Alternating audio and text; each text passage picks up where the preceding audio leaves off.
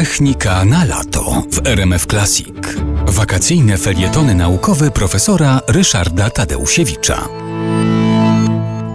Bracia Oliver i Wilbur Wright stworzyli pierwszy samolot, który o własnych siłach poderwał się z ziemi, wystartował, potrafił latać, y, miałby, był wyposażony w silnik.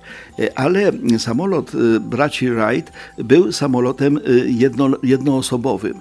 To nie było przypadkiem, dlatego że oni musieli przysiąc swojemu ojcu, że nie zbudują nigdy samolotu dwuosobowego, żeby obu braci nie wsiadło równocześnie i nie zabiło się równocześnie. Wobec tego no, były trudności z, z przemienieniem tego eksperymentalnego jeszcze ciągle samolotu w samolot pasażerski. E, ale e, okazało się, że mimo ciasnoty kabiny, mimo że była to de facto maszyna jednoosobowa, już w 1908 roku, a dokładnie 14 maja 1908 e, roku, Orville Wright zabrał na pierwszy lot pasażerski Charlie'ego Furnasa.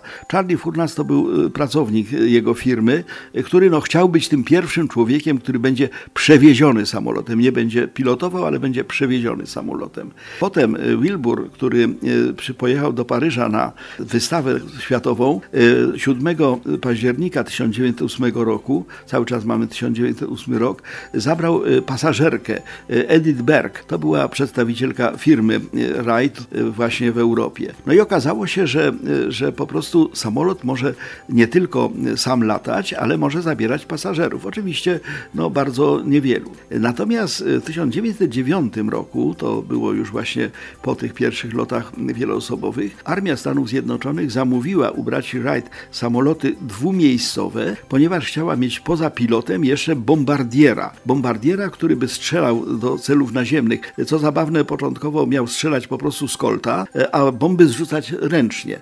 Ale taki samolot został zbudowany i w ten sposób właśnie w, no, na początku 1909 roku mieliśmy już samoloty pasażerskie i samoloty wojskowe. Tak się to zaczęło.